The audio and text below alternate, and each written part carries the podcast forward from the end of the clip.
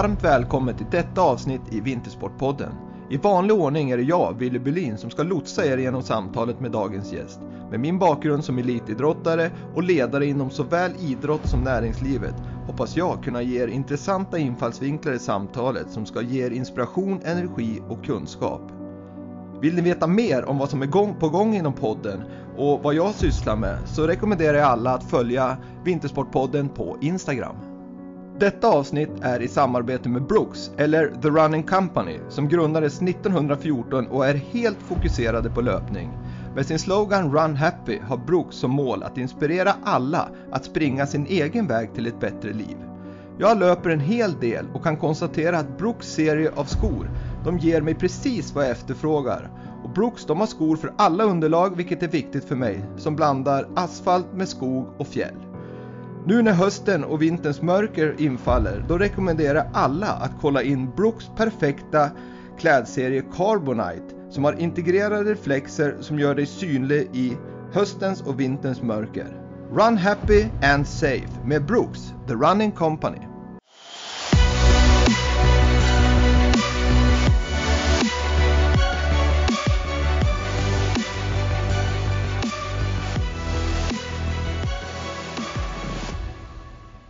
Dagens gäst i Vintersportpodden, längdskidåkaren William Poromaa. Välkommen till Vintersportpodden William. Ja, tusen tack, tusen tack.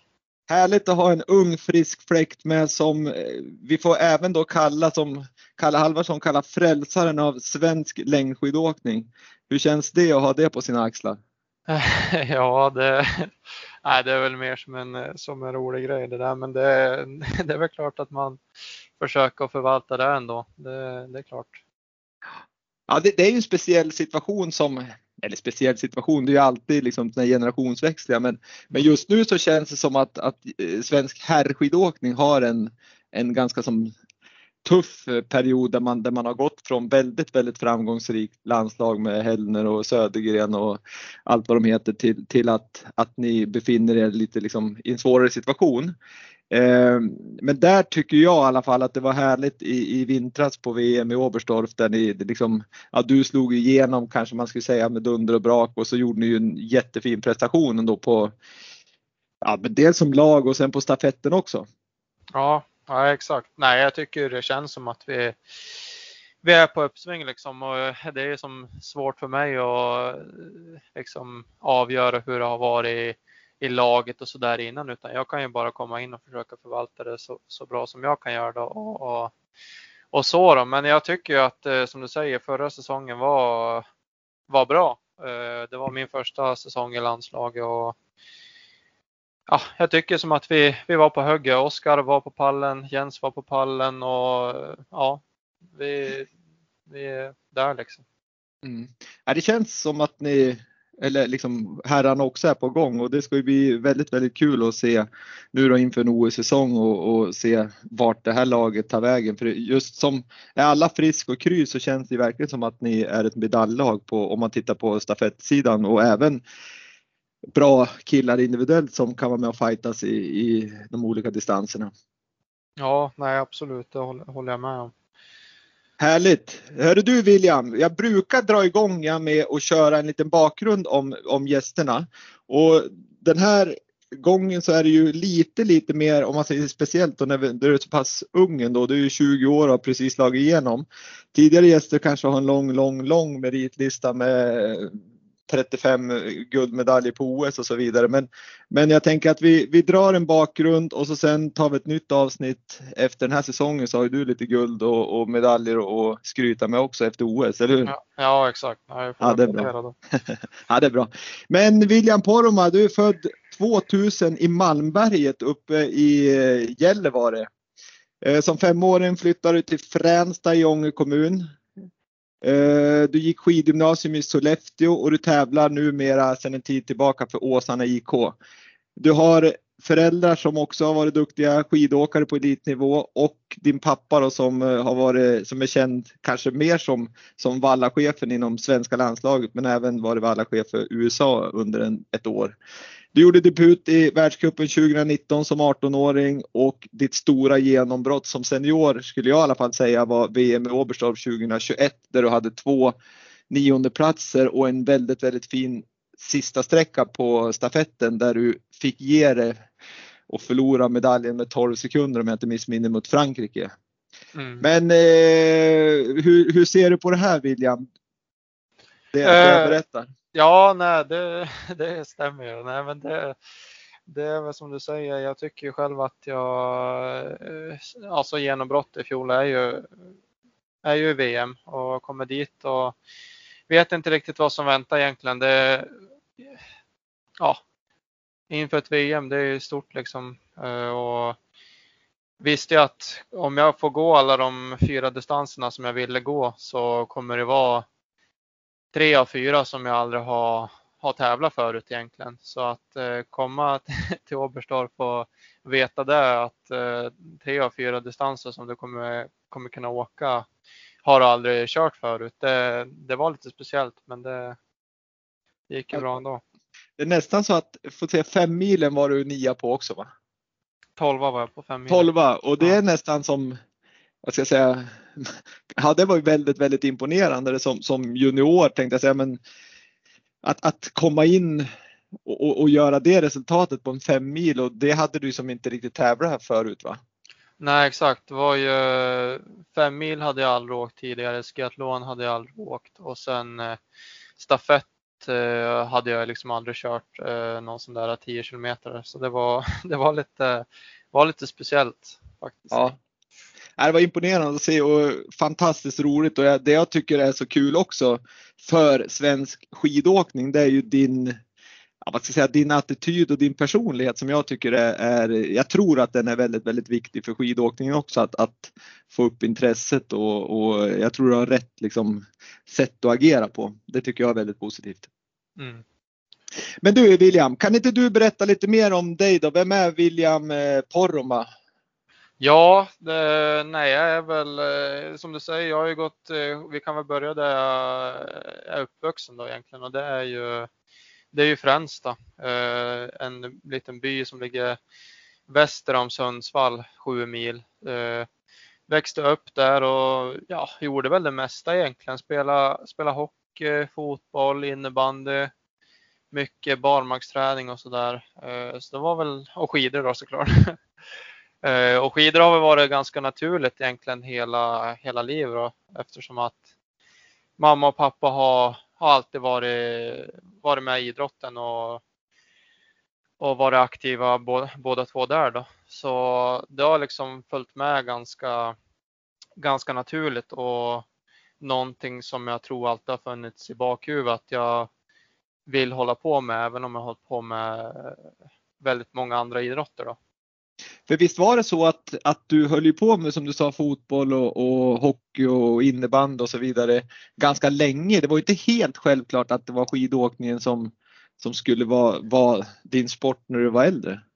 Nej, alltså jag vet inte. Jag kände, jag kände ju tidigt att liksom satsar jag på skidor så, alltså jag tror, jag visste ganska tidigt att skidor det är någonting som jag som jag kan bli ganska bra på. Alltså jag visste att jag kände att jag hade någonting där som, som vissa andra kanske inte hade.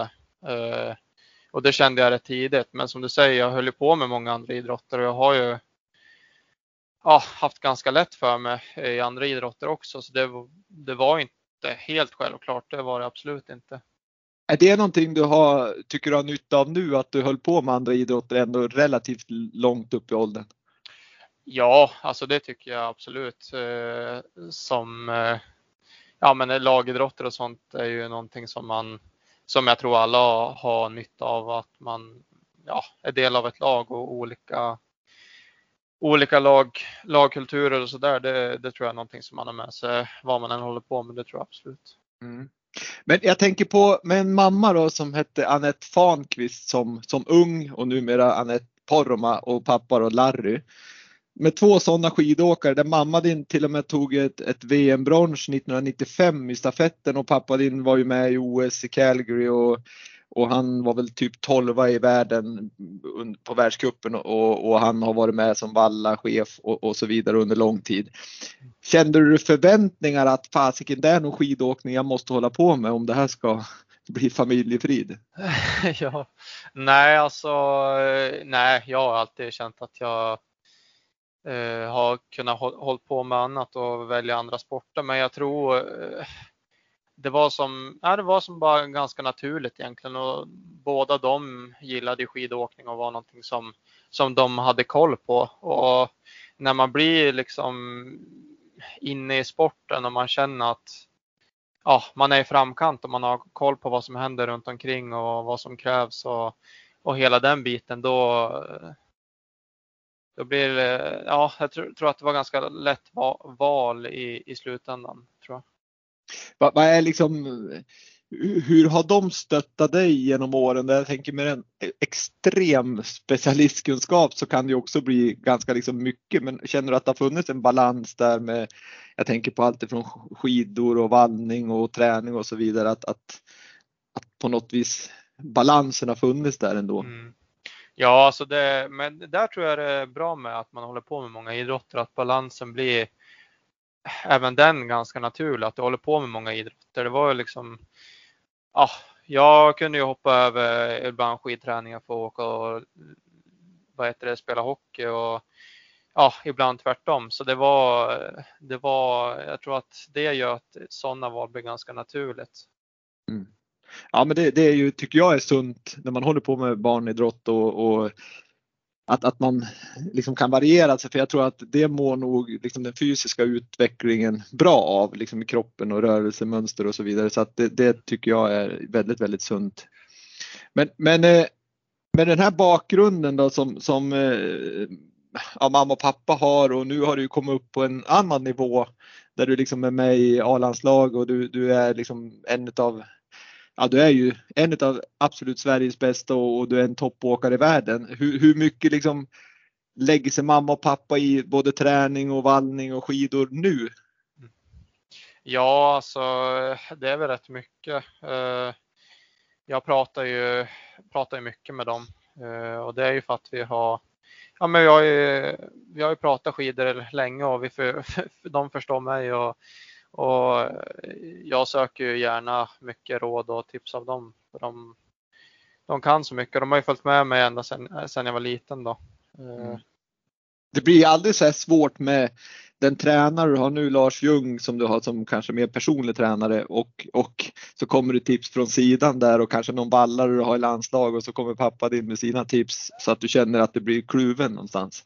Uh, nej, det tycker jag. Alltså, jag, jag känner mig väldigt uh, trygg med det, med det teamet som jag har, har runt omkring mig. Då. Och det är ju mer sådana mamma pappa råd som man ofta frågar, frågar dem efter då numera. För nu känner jag att jag har ju, jag har min vallare och jag har, har min tränare Lars som uh, som har koll på träning och sådana bitar. Så det är inte direkt att jag ringer och frågar, frågar farsan vad, vad ska jag träna imorgon utan det, de, de bitarna har vi full koll på. Eh, det är väl mer vad, vad de tycker och tänker och vad som är smartast att göra i vissa, vissa situationer. Mm. Ja, det är härligt att ha det stödet från personer man litar på till 100 procent.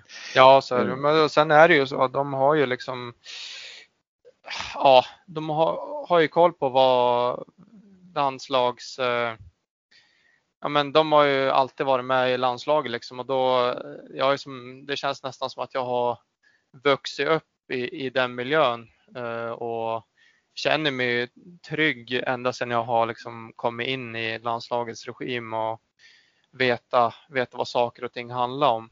Eh, och det tror jag har varit en sak som har varit väldigt väldigt bra för mig då att när man kommer, har kommit in i landslaget så känns det nästan som att man, man har, man har blivit inskolad där på något vis. Men det var ju som när, när jag var liten och åkte till hockeyträningen så körde ju farsan dit en, i en Sverigebuss liksom.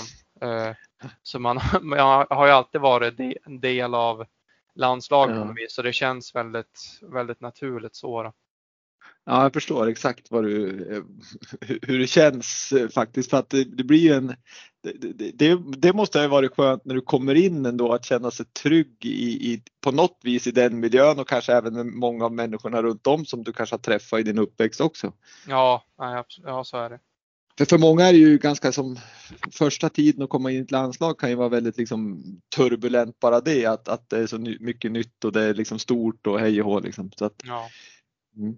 Men du, om vi är inne på landslag och, och skidförbund och så vidare nu då när vi pratar om det. Hur, hur, hur ser du på den turbulens som ändå har varit inom, inom längddelen på skidförbundet med, med byte av tränare och vallar och, och förbunds, eh, vad heter det, längdchefer och så vidare. Är det någonting som du har påverkats av eller har du stängt av den delen av, av eh, verksamheten? Uh, ja, alltså jag har ju varit med mycket i liksom resonemang och hört vad, vad folk har tyck, tyckt och tänkt så. Men uh, det är ju ingenting som jag har lagt någon energi på för den, på den tiden var inte jag, jag var inte del av A-laget eller no, någonting sånt och jag hade ingen egen vallare.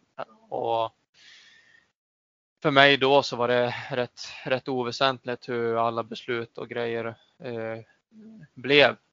Mm. Eh, men eh, jag tycker att jag kom in i en väldigt bra tid och känner mig, ända sedan jag kom in så har jag känt mig väldigt trygg med, med vad som vad som händer i landslaget och vilka som, vilka som styr, styr där nu. Det, det känner jag mig väldigt, väldigt trygg med faktiskt. Ja men det låter jättebra för inför en OS-säsong så ska ju verkligen 100% fokus ligga på, på det ni ska göra, det vill säga ladda upp och, och träna och, och sådär och inte så mycket runt om. Så det känns ju tryggt att det känns bra. Ja exakt.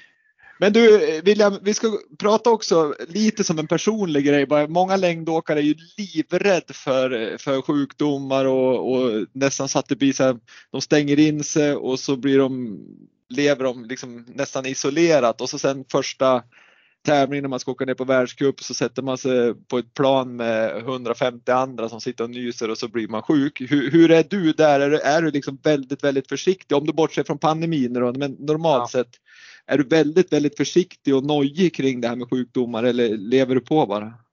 Eh, alltså jag tycker det är olika. Eh, ibland så är jag väldigt eh, så här, man vill, man tänker på det extra mycket och man vill inte bli sjuk och man liksom känner att man har bra flyt. Eh, men det är klart att vi håller på med en idrott där det, du gynnas absolut inte av att gå runt och vara sjuk. Eh, och jag vill bli så bra som möjligt så det är klart att jag försöker hålla mig frisk så, så mycket jag kan men det, det är liksom inte att jag isolerar mig hemma för att inte, för att inte bli sjuk. Eh, så är det ju inte men det är klart att man, man är inte vaken till klockan tre och eh, ute och dricker med vänner var, varje helg. Liksom det, det hade aldrig funkat. Nej, det förstår jag. Men det är väl att hitta någon balans där så att man ändå kan vara mottaglig mot lite basilusker så man tål någonting. Ja, så är det. Men du, en annan fråga som jag tycker är ganska relevant med just dig som är ung eh, och kommer från en skidgymnasiemiljö, det är att du, du gick ju på skidgymnasiet i Sollefteå och jag vet många som lyssnar på den här podden är föräldrar till de som går på skidgymnasium eller ska börja skidgymnasium och det kan även vara ungdomar som, som ska börja skidgymnasium som lyssnar på det här. Men hur, hur, hur ser du på tiden på skidgymnasiet? Då tänker jag liksom på fördelar att vara på skidgymnasium, fanns det några nackdelar och, och, vad skulle du vilja ha liksom annorlunda från, från skidgymnasietiden om du fick se tillbaks nu och, och tänka att fan det där hade varit bättre om man hade gjort si eller så? Ja exakt. Nej, jag tycker det är, det är svårt att säga mycket angående liksom skidgymnasietankar, men det är alltså det jag kan tänka tillbaka vad man hade gjort annorlunda. Det, det tycker jag liksom är liksom en svår fråga, men jag känner att skidgymnasiet är väldigt Alltså jag tror att vill man bli bra skidåkare ska man gå till skidgymnasium. Så, så, så kan man säga. Eh, och jag tror att skidgymnasiet är lite grann vad man gör det till. Jag eh, kom kom till Sollefteå ett, eh, ja enligt mig, ett väldigt bra skidgymnasium och var väldigt glad eh, över det och var liksom tränade inte jättemycket innan jag kom in i Sollefteå. Jag hade inte, jag tränade egentligen hyfsat sommaren innan. och det var folk som ja, tränade mycket mer än vad jag gjorde. Eh, kom dit och det är en väldig omställning att flytta till, eh, alltså som mig då, jag flyttade en och en halv timme från familj och alla vänner och bo Mm. ensam i lägenhet. Du ska tvätta, du ska laga käk, du ska gå till skolan, du ska gå hem från skolan och du ska liksom, ja men all, allt runt omkring liksom. Det, det är inte bara. Så det är ju en sak som jag tror, tro kan vara väldigt svår för, för vissa, men klarar du, klarar du dig igenom det och blir stark i det och liksom kan börja lägga fokus på träningen, då, då är det väldigt bra tror jag. Mm. Ja, för det är, jag tycker det är lite härligt att höra just det där med att du tränar ju inte jättemycket innan. För ibland kan jag höra nästan att folk har tränat jätte, jättemycket innan och sen när de kommer in på ett skidgymnasium eller ett idrottsgymnasium så, så blir det nästan att de tränar mindre. Ja. För att eh, liksom, tränarna där har ju sin plan att du ska vara, när du är 25 då kanske du ska träna så här mycket. Och, och ja, på något vis, men det, du kände verkligen att när du kom in på skidgymnasium då tog du ett, ett steg i rätt riktning, det vill säga mer träning och mer kvalitativ träning. Ja, det kände jag. Det var ju mer strukturerat såklart. Eh, Mm. Men eh, jag skulle ju absolut inte säga, alltså, jag skulle säga att jag började träna när jag gick i, i trean kanske. Alltså ettan, tvåan, då var det, du följde schemat. Eh, jag gjorde det jag skulle, men jag tränade liksom inte. Jag var inte, ja det är svårt att säga, men jag var inte där på något, på något sätt. Utan jag gjorde, gjorde bara det jag skulle och man maskade som igenom lite, lite grann ibland. Vad, vad, var jag- det som, vad var det som fick dig att liksom, vad ska jag säga, förstå eller ändra det och, och ta tag i det i trean? Var det mognaden eller? Nej, alltså ja, det, ja, det lär det absolut vara. Men jag tror att det var mycket att man, man kom in i allting runt omkring. Du blev stabil i att bo själv och kunde börja lägga mer fokus på träningen. Och sen var det ju mycket att jag, jag gjorde bra resultat i ettan, tvåan. Eh, men eh, insåg att, ja, jag insåg att jag hade talang liksom och att eh, skulle jag bli bra så måste jag börja träna. Eh, Mm. Och det var, var det jag gjorde och då märkte jag att ja, tränar man så, så blir man bättre. Liksom. Är det någonting du känner där? Liksom, jag tänker på de som har ungar eller de som är ung och ska in på ett skidgymnasium. Va, va, du säger där att det är ju speciellt att flytta och börja på ett skidgymnasium och, och flytta hemifrån och börja ta hand om matlagning och man ska lägga sig tid och, och så vidare och tvätta kläder själv och sådär. Men, men är det någonting du känner där som du skulle kunna gjort annorlunda med förberedelsen eller att, att skidgymnasiet skulle kunna ha för, hjälpt till att förberett det på något vis? Eller? Eh, nej, alltså jag tror att eh, jag tror att det finns liksom inget sätt egentligen och eh, du måste ta dig igenom det tror jag. Alltså det, det kommer vara, jag, jag tror att för alla kommer det vara tufft ibland. Och sen det, ibland kanske mer tufft och ibland inte. Vissa tacklar det jättebra och andra inte. Jag tror bara att det är så det är. Eh, och jag tror att många, man, kommer, man kommer utvecklas väldigt mycket av att gå ett skidgymnasium. Och när jag tittar tillbaka på tiden som jag hade, hade i Sollefteå så är det någonting som jag ser, ser tillbaka på väl med, med mycket glädje. Liksom. Jag tycker ja, man utvecklas väldigt mycket, så både som person och även som skidåkare om man, om man vill. Då. Nej, jag har själv gått skidgymnasium och jag håller med dig till 100 procent att även om man inte blir världsmästare i skidåkning så brukar jag säga att man blir världsmästare i livet. Ja. För man får ju, det är en rolig tid och man lär sig mycket liksom och ta eget ansvar tidigt och, och sådär så att eh, nej, det är jättekul verkligen. Ja.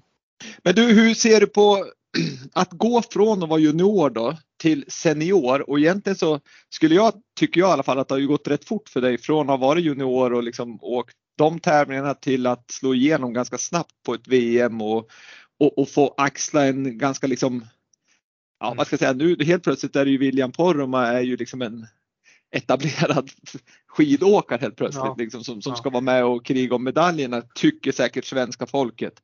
Men Mm. hur, hur ser du på det? Har det varit svårt? Alltså ja, det, ibland ja, ibland inte liksom.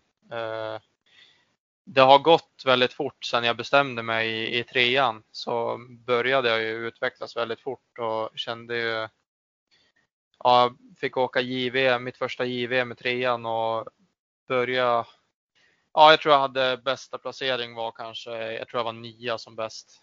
Eh, Mm. och kände, jag nosade som bättre och började träna, tränade jättebra det året eh, till jag gick i fyran. Eh, kände då, ja.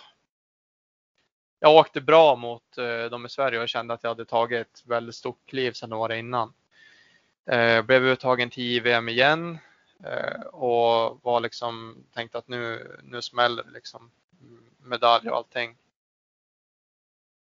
Men eh, det vart inte så eh, och ja, fortsätter jobba väldigt hårt eh, inför nästa säsong som var, som var i fjol. Då. Och, ja, kände att jag, blev uttagen i Bauhaus och tog ytterligare kliv. Och för mig har det varit väldigt naturligt liksom, att jag, jag ska jag, jag kommer åka fort den här säsongen. Eh, men som du säger, klivet från att året innan har varit som bäst nia på JVM till att året efter vinna Sverigepremiären i, i Bruksvallarna och sen bli femma på världscupöppningen i Ruka. 15 plats eh, på världscuppremiären i Ruka. Det, det är ganska stort ja. liv liksom. Ja, och det är det som blir nästan lite, om man får säga lite läskigt och så gör du de här fina resultaten på VM och vips så är du liksom den som ska knip, knipa medaljerna i Peking. Ja. ja, det, det är det, är det jobbigt mentalt eller? Nej, alltså jag, jag känner mig trygg i, i det. Liksom jag har jobbat med mental träning länge och liksom det är det här jag vill och jag vet vad, vad jag kan och det är liksom, jag ser, jag ser ingenting som, som omöjligt. Alltså jag, jag tänker att jag kan bli bättre. Jag kan vara bättre imorgon än vad jag var idag. Alltså, och jag tror att tiden för mig spelar ingen roll. Jag, jag tror att jag kan bli bättre hela tiden just nu och det, ja, jag är inne i ett bra, bra flow liksom och vet vad jag måste göra egentligen.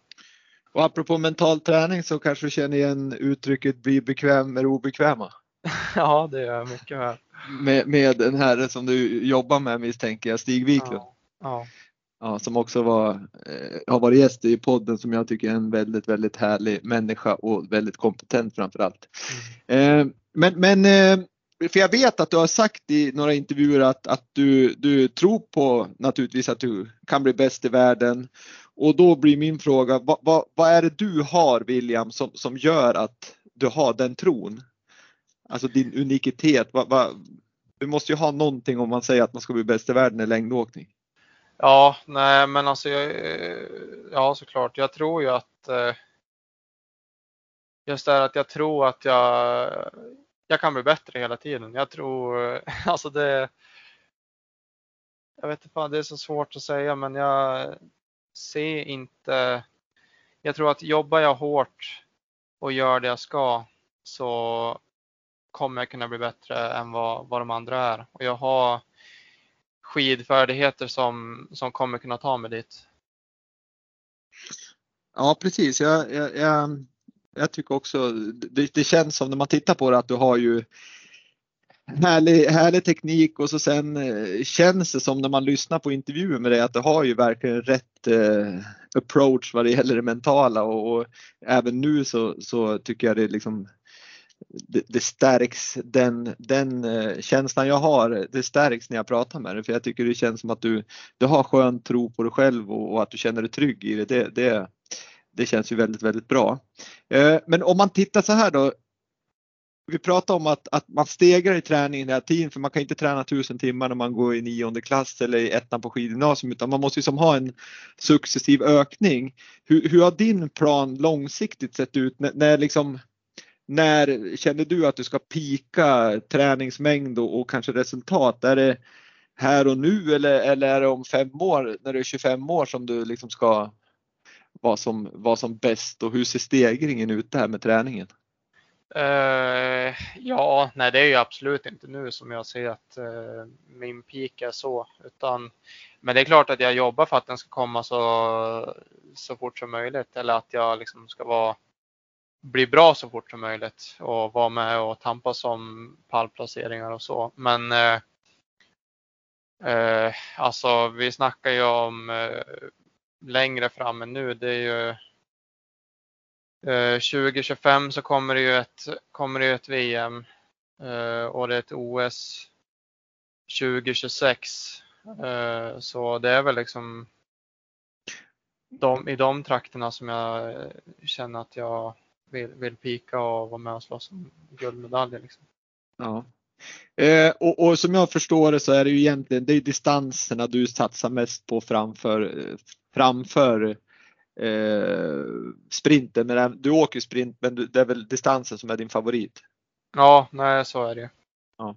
Men om, om vi säger då att 2025 VM, 2026 OS, då, då ska William Poromaa liksom ta hem de tunga guldmedaljerna. Men, men vad är det liksom du känner här och nu som du kan jobba med vad det gäller det fysiska, mentala och det tekniska? Som du känner att det här måste jag liksom förbättra om jag ska ta nästa steg? Uh, ja, alltså rent alltså det mentala så jobbar jag ju såklart med Stig och, och så, men sen så är det ju mycket mental träning för mig att bara vara, vara, vara med nu. Uh, och som säsongen som var i fjol så lärde jag mig otroligt mycket och någonting som jag kommer ha med mig in till säsongen som kommer nu. Och det här året så är det en OS-säsong och det kommer jag även ha med mig framöver också. Så det, jag lär mig nya saker hela tiden och det tror jag är väl den bästa mentala träning man kan ha just nu för min del i alla fall. Mm. Och, och, eh, Stig han är ju som engagerad och jag vet att ni har liksom kontinuerlig dialog och han skickar sina mentala inspirationer innan tävlingar och efter tävlingar och utvärderingar och så vidare. Men sen har du ju även Lars Ljung då som, som har jobbat länge åt Svenska Olympiska Kommittén som vad ska jag säga, videoexpert men numera så är han väl, han är väl inne i skidförbundet nu som tränare och även din personliga tränare. Mm, precis. Och han, han har du fullt förtroende för misstänker jag? Ja, ja det har jag absolut. Ja, Lars började ju jobba i fjol i, i maj eh, så träffade han första, träffade han första gången på, på Hallstaberg i Sollefteå. Eh, och så körde vi ett, eh, ett träningspass ihop och kände att det var som ganska naturligt. Jag, skulle, jag gick ju ut skidgymnasiet och ja, var ju öppen för att få en ny tränare och Lars hade ju precis fått jobbet på, på skidförbundet i, i, som, som tränare där och då ja, det varit väldigt naturligt att eh, vi, vi skulle jobba ihop. Eh, och jag frågade han när vi satt där och ja, vad tror du? Ska vi, ska vi köra på det här? Och han sa ja, jag, jag är helt, eh, helt med på det här. Det är bara du som, som, som kan bestämma. Liksom. Men han kör, med honom kör upplägg både liksom teknik och eh, det fysiska? Ja, exakt. Nej, vi har vi kör ju både teknik och, och det fysiska ihop och ja, jag har ju en daglig kontakt med, med Lars. Då. Hur, hur, jag har läst någon intervju med honom. Hur, hur, hur bollar ni mycket vad ni ska träna eller med det jag kunnat läsa mig till så är han ganska liksom att han ändå vill hålla i taktpinnen hur, hur det här ska ske, träningen. Ja, exakt. Uh, nej, det det är väl klart att vi, vi bollar och så, men eh, i slutändan så gör jag det som, som Lars tror på egentligen. Jag tror ju att eh, kan jag ha någon som bestämmer det jag ska göra och jag kan fokusera på att träna och ingenting annat så, så kommer jag kunna utvecklas väldigt bra då. Så det, är ju, det passar ju mig väldigt bra. Sen det kanske inte passar alla såklart, men för mig så, så funkar det väldigt bra. Men det är klart att vi, vi är ett team och vi pratar prata med varandra varenda dag och ha koll på vart kroppen står och sådär. Men lite, det är han som bestämmer så kan man säga. Ja, det, jag fick den känslan när jag, när jag läste den där intervjun. Eh, men, men träningsmässigt då så, så har ju, jag tror ingen i Sverige i alla fall som är, har någon form av sportintresse har missat att eh, du flyttade från Sollefteå till Åsarna, vilket fick otroligt stor uppmärksamhet måste jag säga. Det var ganska mycket rubriker kring det och det var väl kanske inte flytten från Sollefteå till Åsarna som var den, den stora nyheten där utan det var väl mer att, att du flyttade, om man säger från din flickvän då som även hon är skidåkare till Åsarna, även om det fortfarande är ett par men, men du kände liksom att du ville komma till Åsarna för att du skulle få bättre träning? Ja, exakt. Eh, ja, det var ju, ja, eller det var så det vart. jag kände att jag ville flytta till Åsarna för att jag tror att eh, jag kan utvecklas eh, mest som skidåkare här och då eh, är valet rätt, rätt enkelt för mig i dagsläget. Så, så, så var det väl egentligen bara med den saken. Det var inte så mycket, men det är klart att det, det är väl en ganska stor grej. Men samtidigt så Eh, är ju båda ganska förstående för att eh, ja, man vill bli, bli, så bra som möjligt. Så det, det är ingenting som vi tänkte, tänkte så mycket på utan vi, vi, vi kör på båda, på båda två egentligen. Så då. Och det tycker jag, alltså bara om man ska träningsmässigt, vilket ni måste göra i den åldern är och den situationen är med att ni ska bli bäst i världen, då är det ju liksom det som måste gå i första hand och, och det, där kanske det finns en fördel att vara sambo eller särbo numera då, med, med en annan som elitsatsar, att man förstår varann att, att det är träning som kommer i första hand. Liksom. Ja, nej men det är, det är ju så. Det, det speglar väl lite grann på ja, min satsning egentligen att det, det är allt eller inget och eh, så har det varit ända sedan jag bestämt mig att jag ska försöka och bli så bra som möjligt och då, då är alla, alla val viktiga tror jag. Mm. Men jag tänker där då när man, när man eh, är på läger och man är på världscupstävlingar ihop med sin flickvän som också är, är på samma läger och på, på samma världscupstävlingar. Hur, hur, det kan, måste ju vara lite jobbigt om, om det går bra eller, eller om det går dåligt för någon att man liksom hur fan ska man tackla det här nu då? Den ena är irriterad och så har det gått bra för den andra och den är glad. Hur, hur liksom kan ni hålla isär det på ett bra sätt?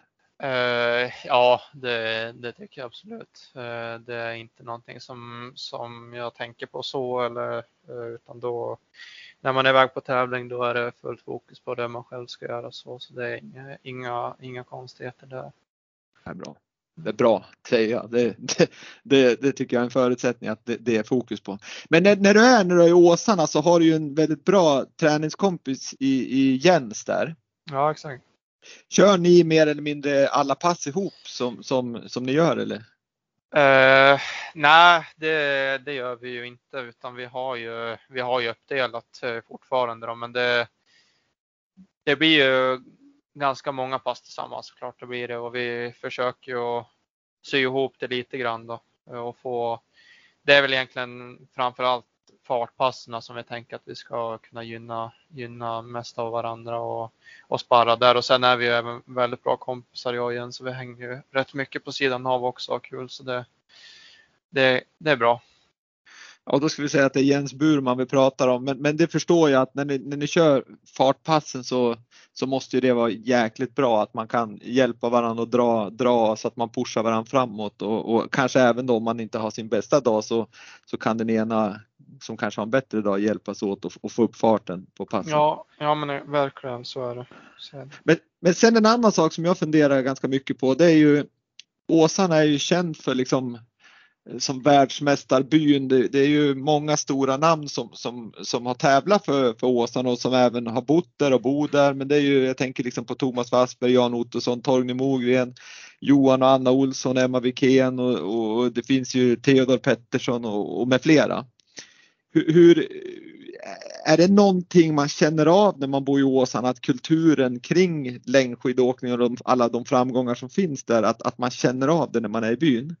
Ja, Eh, det tycker jag absolut. Det är som jag käkar ju på skicenter varje dag och går förbi flera.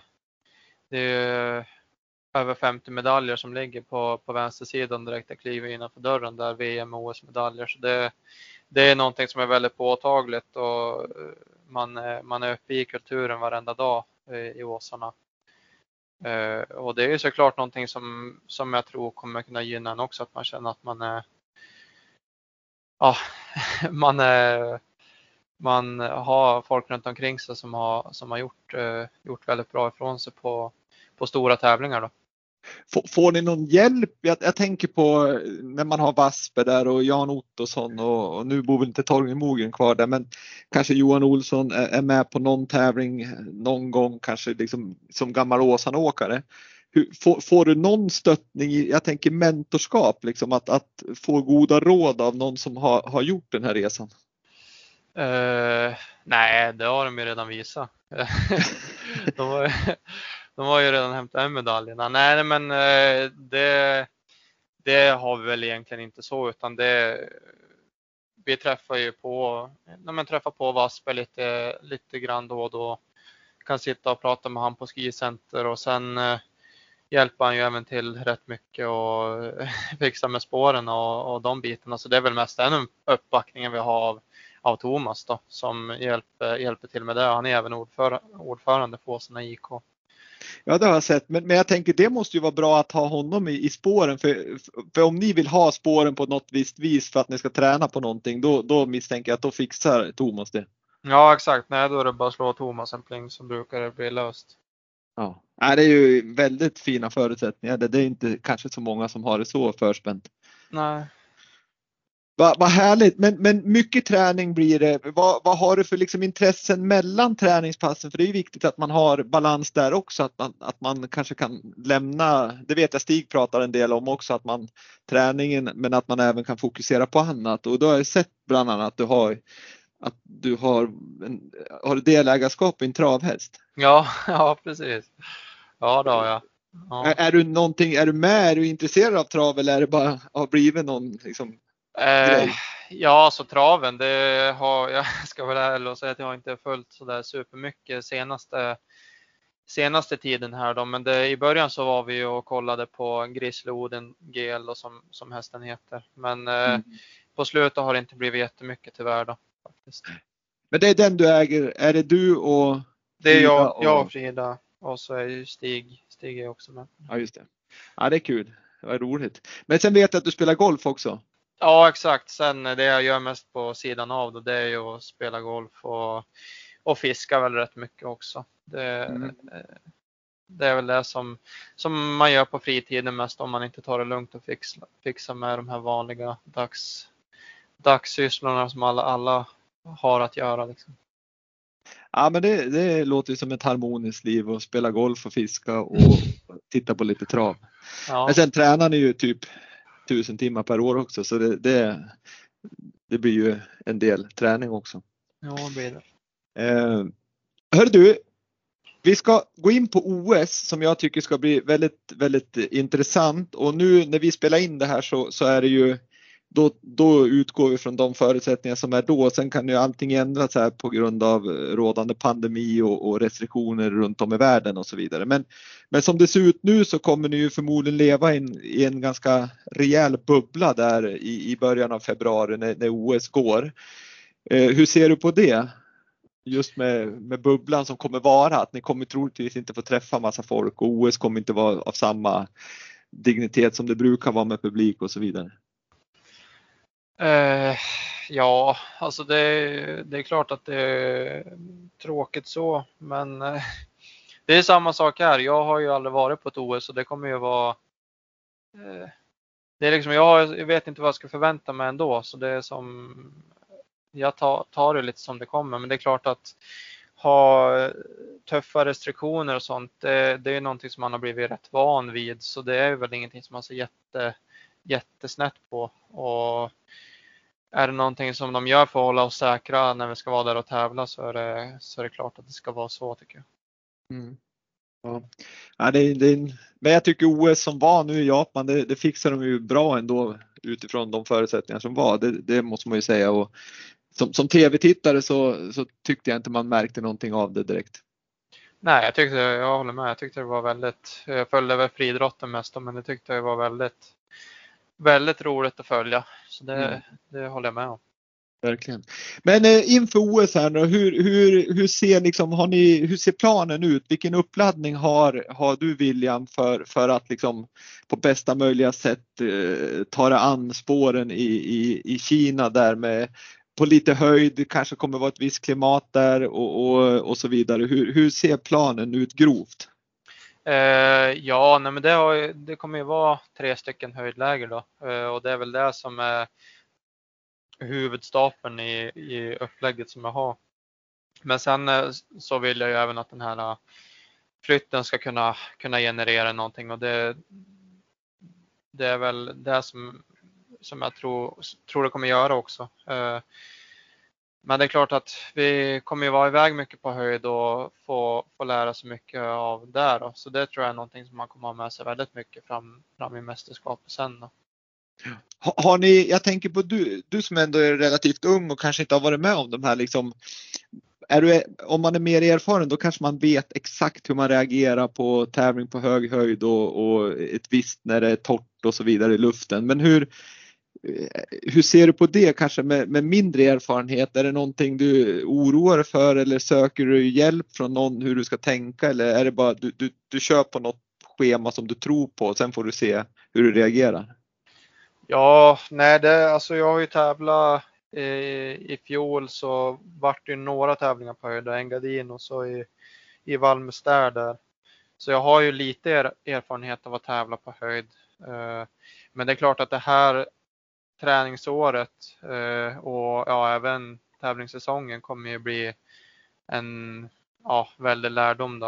Eh, för det är ju ingenting som jag varit uppe i förut och det är det som är tanken nu med att vi ska vara iväg mycket på, på höjd och det är jag väldigt tacksam för för jag tror att jag kommer kunna dra på mig väldigt mycket lärdomar till, eh, till OS börjar. Mm. Och här misstänker jag att ni får, eller förbundet får väl ganska mycket stöttning där från, från Svenska Olympiska kommittén också för att ni ska vara så förberedd som möjligt. Ja, nej, exakt. Ja. Eh, skidtester då, har, har de, det misstänker jag också att de har redan varit över och, och liksom testa liksom snön som kommer vara där, de förhållanden som luftfuktighet i luften och så vidare så att ni vet med slipar och så vidare på, på belag. Är det, är det någonting ni känner er trygg med? Uh, ja, det, det, tycker jag. Det känns som att uh, i fjol så hade vi väldigt bra skidor och de känns uh, på hög i vallarna och vi var ju, nu när vi var nere till Torsby så, så hade vi mycket skidtester och testade ut nya, nya par som vi hade fått och så det, det känner jag mig väldigt trygg med jobbet som de gör. Då. Det, det känner jag verkligen. Mm. Ja det låter ju otroligt för jag menar som, som motionär då, som jag är så känner man ju verkligen skillnaden på, på bra och dåliga skidor och då kan jag ju tänka mig hur frustrerad man är om man åker om man är i bra form, åker väldigt fort uppför och så blir man omglid, omkörd nerför. Det måste ju vara otroligt frustrerande. Ja, så. Verkligen. Men du, eh, vad kul att höra det med OS, men vad, vad har du liksom eh, handen på hjärtat eh, om vi ska liksom Eh, om du ska berätta en hemlis för mig här, vad, vad har du för eh, förhoppningar inför OS och vad, liksom, om du går in till dig själv, vad, vad har du för målsättning med OS? Uh, eh, ja, alltså uh, resultatmålen är väl uh, alltså, jag vet ju, jag vet ju vart jag står med nu mot de, mot de bästa och jag vill ju göra bättre än vad jag gjorde på, på VM då. Eh, och det är klart att den där stafetten kittlar ju väldigt mycket och, och kunna ta medalj där, det skulle vara väldigt speciellt och någonting som, som man känner skulle gynna, gynna hela, hela landslaget och oss herrar då. Så det hade ju varit väldigt, väldigt kul. Ja, ja, det förstår jag verkligen för det är liksom att ta en medalj i, eh, i, en stafett är ju dels är det ju stort för landet och det är stort för laget och, och svensk skidåkning framåt. Men sen är det ju kul att fira tillsammans med ett lag naturligtvis. Men, men, men, men om du skulle komma på ett OS, eh, nu säger jag femma, vilket är jätte, jättebra placering. Sen är det ju OS att man vill ha medaljer, men det är inte så då liksom att du kommer känna fasiken, jag var missnöjd, jag blev att jag inte fick medalj.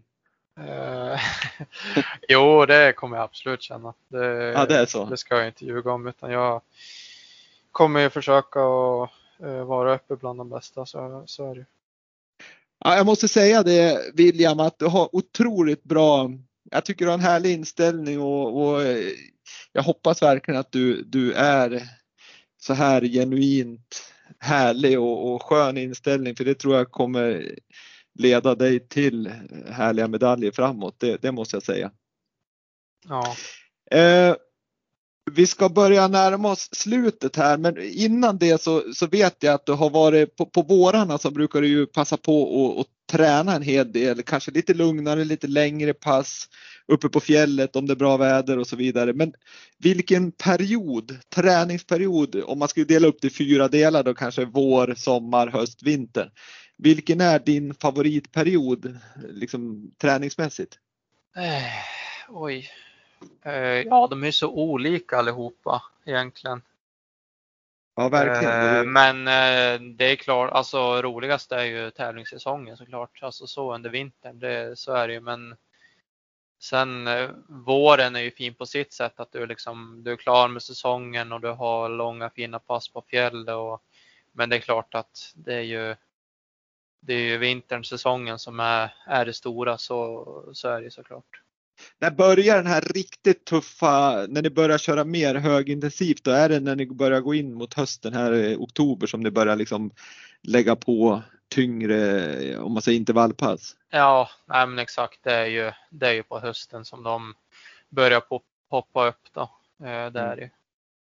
Och, och, då kommer vi direkt in på, vilket är ditt favoritpass då om du skulle få säga ett pass? Uh, ja, nej jag vet, eh, jag vet inte. Eh, favoritpass det är väl kanske att Oh, något långt rullskidpass tycker jag. Jag tycker de kan vara, de, de är fina. Eller alltså finaste passet det är ju såklart de här på våren. Långa, långa fjällturer. Fem, mm. fem, sex timmar bara att vara ute och glida och på Skare och ah. långa skidspår i, i Funäsfjällen. Det är ju, det är ju väldigt, väldigt svårslaget. Ja, det är bara man på skaren, man bara glider fram och det är liksom ja. ingenting som tar emot. Det är ju ja. fantastiskt härligt. Jag håller med dig. Men, men du tycker inte, du var ju, du var ju rekordhållare typ en vecka på ett gammalt, gammalt rekord där på Hallstatestet, alltså uppe i Sollefteå. Man springer upp för slalombacken i, i Sollefteå, Hallstaberget. Man springer 1800 meter, det är 210 höjdmeter och det är en medellutning på 12 procent där hade du ju ett rekord. Du slog rekordet med en sekund som, och det rekordet hade ju varit 30 år från, från en kille som, som gick skidgymnasiet då som hette Dan Mars. Eh, du slog rekordet med 7.49 och så sen veckan efter så var ju han världsmästaren i sprintorientering Isak von Krusenstjerna där och dammade till med ett nytt rekord. Hur kändes det? Uh, ja, uh, nej alltså det, det är klart att uh, det var, det var kul att slå det där rekordet. Det var ju som en grej som har, har varit väldigt länge då. Och det var, för mig var det väl egentligen själva grejen att bara få slå Danmars. För jag har ju varit uppe i det där rekordet ända sedan jag började på skidgymnasiet, eller innan jag började på skidgymnasiet. Man kom dit i nian och sprang det för första gången och det har som hängt med hela vägen. Så det är ju mest en, en rolig grej då. Och sen att se att man är 10 sekunder bakom en som har sprungit, vunnit VM-guld i orientering. Det är ju bara, det är bara härligt att veta. Ja, för då ska man ju veta att den personen som tog det, han, han, hans gren är ju löpning så att egentligen vore det konstigt om, om, om inte den tar en skidåkare. Men, men eh, det var i alla fall grymt sprunget, det måste jag säga. Det är ju otroligt tuff, tuff test. Ja. Eh, då har jag egentligen, jag har några frågor kvar här bara men ganska korta. Men vad har, vad har William Poromaa, nu vet jag att du är 20 år, du fyller 21 år här i, i december. Men, men om du ska blicka framåt, långt framåt, när du har tagit alla medaljer och, och vunnit världscupar och, och så vidare. Vad, vad, har, vad ser du liksom efter karriären? Vad, vad vill du hålla på med då? Är det, vill du utbilda dig till någonting eller har, vill du jobba som tränare eller vill du bara fiska? Ja, det är en jättesvår fråga. Jag vet inte. Det... Du drömmer inte om någonting? Äh, drömmer om att inte behöva göra någonting. Det hade varit väldigt skönt. och, och nej, varit så men, framgångsrik? Nej, ja, nej, men alltså det är klart att det, det vore ju väldigt skönt att få avsluta en karriär och känna att man har har väldigt mycket att se tillbaka på och vara, vara nöjd med allting som har hänt. Men det, det är inte självklart att det kommer bli så heller. Men det, det är liksom drömmen att få lägga, lägga det här bakom sig sen och känna att fan, ja, det var värt liksom. Mm.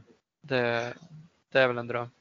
Ja, vad va, va härligt att höra. Det, och jag tror som sagt var med din inställning så kommer, när vi summerar det här i vintersport om 15 år, då, då, då tror jag att det kommer vara så för dig William. Ja, det låter bra. Eh, nu ska vi ha en lyssnarfråga. Vi har fått in, det har varit stort intresse just på, på dig, men av tiden eh, med, med tanke på att tiden går fort när man har roligt så ska vi, vi, vi, ska hålla oss till en fråga och den kille som faktiskt ska börja på skidgymnasium som heter Love som har ställt en fråga, det är egentligen en fråga med en förfråga, men, men vad motiverade dig att börja på skidgymnasium med frågan? Och sen blir ju följdfrågan att man får ju lägga ner väldigt mycket träning för att bli en duktig längdåkare, men det är inte säkert man blir världsmästare eller OS-guldmedaljör. Men känner du ändå att det är värt det du håller på med, med all träning? Uh, ja, alltså det där. Jag är ganska öppen med det där och tycker att uh, ibland så fråga, ställer man sig frågan är det värt det och ibland så gör man inte det. Men överlag så känner jag att det är värt det, annars hade jag inte hållit på med det såklart. Så det, det, det tycker jag. Det tycker mm. jag absolut. Uh, och sen uh, vad som motiverar mig att börja på, på skidgym, det var ju att jag, ja, men vad som in, jag gillade skidåkning och jag kunde gå skola samtidigt så det kändes som en otroligt bra kombo. Då. Och sen tyckte jag du sa en bra grej från början där det var ju att med facit i hand så, så har du ju oavsett hur det än hade gått så hade det ju varit en lärorik period i livet. Ja men verkligen, det, det, så är det absolut. Och det var ju det jag kände att det var som Ja, det var ett safe, safe val liksom. Man kände att ja, du kommer kunna gå skolan och du kommer kunna göra, göra de, de grejerna som, som alla andra gör. Men du kommer kunna träna också och få vara uppe i vän, vän, kompisar och vänner som, ja, som tycker om samma saker som dig. Så det, det är helt rätt väg att gå om man gillar att träna och åka skidor. Så är det. Nej, det låter jättebra. Då har vi bara en enda fråga kvar som jag ställer till allihopa som är med i Vintersportpodden och den är ganska enkel, kortfattat svar, men den lyder så här. Säg en framgångsfaktor för att bli en framgångsrik idrottare. Eh, vilja, tror jag. Eller, låter jag, klokt. Det, låter klokt. Ja. Många, det är många som har hållit sig kring det ämnet och jag tror nästan att, eller tror, jag håller med dig till 100 procent. Det är liksom A och O att, att man har vilja och, och passion kanske för att komma framåt. Ja, exakt. Är det någonting jag har glömt William som, som du vill förmedla till, eh, till lyssnarna av Vintersportpodden? Uh, nej, det tycker jag inte. Jag tycker vi har haft ett väldigt trevligt snack. Så det, det är om vi ska ta en till eh, fråga då i så fall. Ja, det skulle vi i och för sig kunna gjort. Men, men en fråga som man skulle kunna säga det är, är det någonting som svenskarna inte vet om William Poromaa som du kan berätta för oss? Oj. Uh... Ja. Uh... Nej, vad fan ska det vara? Uh... Kanske har något tics eller du har något rekord på stora fiskar eller något? Ja, exakt. Uh... Nej, jag vet inte. Jag... Uh... Nej, fan vilken svår fråga. Det fick jag helt jävla brain. Ja, du får, du får, du får någon, eh, vid någon intervju i, i vinter så får du väl komma på det. Då kan du säga till alla vintersportlyssnare. Jag är lätt bäst i landslaget på tv-spel i alla fall. Den. Är du bäst i landslaget på ja, tv-spel? Ja, den, och, och då kommer ju frågan, vilket är ditt favorit tv-spel då? ja, just nu så är det mycket Call of Duty. Jaha. Warzone heter det. Ja, det var faktiskt det var bra. Då är det någonting som vi har fått reda på som ingen vet sedan tidigare. Ja, faktiskt. Det tackar vi för William och så sen tackar vi, eller Vintersportpodden dig för att du var gäst och önskar dig all lycka i skidsäsongen 2021-2022, OS 2022 och all framtid naturligtvis. Tusen tack. Stort tack. Ha det bra och sköt om det.